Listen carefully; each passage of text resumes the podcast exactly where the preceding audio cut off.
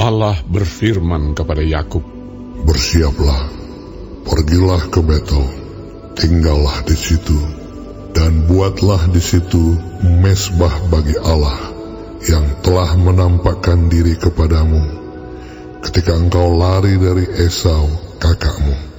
Lalu berkatalah Yakub kepada seisi rumahnya dan kepada semua orang yang bersama-sama dengan dia.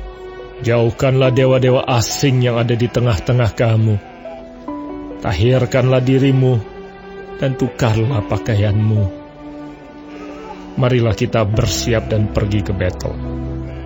Aku akan membuat mesbah di situ bagi Allah yang telah menjawab aku pada masa kesesakanku dan yang telah menyertai aku di jalan yang kutempuh. Mereka menyerahkan kepada Yakub segala dewa asing yang dipunyai mereka dan anting-anting yang ada pada telinga mereka. Lalu Yakub menanamnya di bawah pohon besar yang dekat Sikem. Sesudah itu berangkatlah mereka. Dan kedahsyatan yang dari Allah meliputi kota-kota sekeliling mereka, sehingga anak-anak Yakub tidak dikejar. Lalu sampailah Yakub ke Luz yang di tanah Kanaan, yaitu Betel. Ia dan semua orang yang bersama-sama dengan dia. Didirikannya lah mesbah di situ, dan dinamainya lah tempat itu El Betel, karena Allah telah menyatakan diri kepadanya di situ ketika ia lari terhadap kakaknya. Ketika Deborah, inang pengasuh Ribka, mati, dikuburkanlah ia di sebelah hilir Betel di bawah pohon besar, yang dinamai orang pohon besar penangisan. Setelah Yakub datang dari padan Aram, maka Allah menampakkan diri pula kepadanya dan memberkati dia. Firman Allah kepadanya, Namamu Yakub. Dari sekarang, namamu bukan lagi Yakub, melainkan Israel. Itulah yang akan menjadi namamu. Maka Allah menamai dia Israel. Lagi firman Allah kepadanya, Akulah Allah yang Maha Kuasa. Beranak cuculah dan bertambah banyak. Satu bangsa, bahkan sekumpulan bangsa-bangsa akan terjadi daripadamu, dan raja-raja akan berasal daripadamu.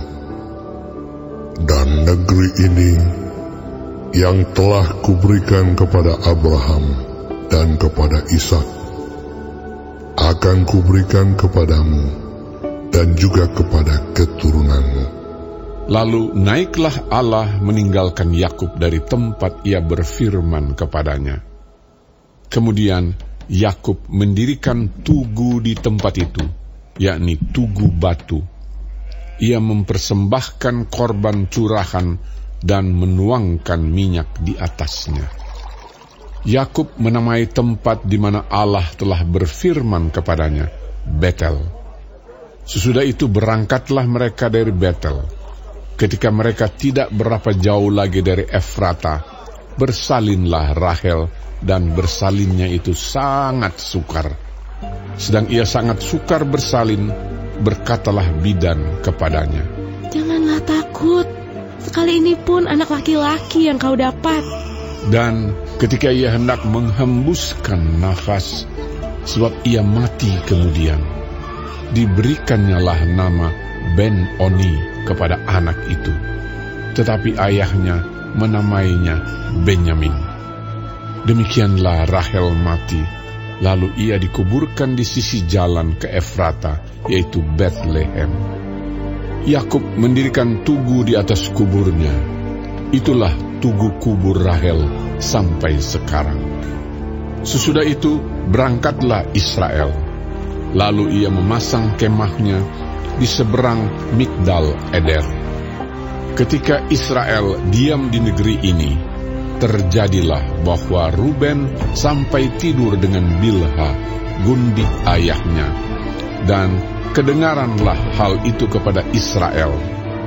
Adapun anak-anak lelaki Yakub dua belas orang jumlahnya. Anak-anak Lea ialah Ruben, anak sulung Yakub, kemudian Simeon, Lewi, Yehuda, Isakar, dan Zebulon. Anak-anak Rahel ialah Yusuf dan Benyamin. Dan anak-anak Bilha, budak perempuan Rahel ialah Dan serta Naftali. Dan anak-anak Zilpa, budak perempuan Lea ialah Gad dan Asher. Itulah anak-anak lelaki Yakub yang dilahirkan baginya di padan Aram. Lalu sampailah Yakub kepada Ishak, ayahnya, di Mamre dekat Kiryat Arba. Itulah Hebron, tempat Abraham dan Ishak tinggal sebagai orang asing. Adapun umur Ishak 180 tahun, lalu meninggallah Ishak. Ia mati dan dikumpulkan kepada kaum leluhurnya. Ia tua dan suntuk umur, maka Esau dan Yakub anak-anaknya itu menguburkan dia.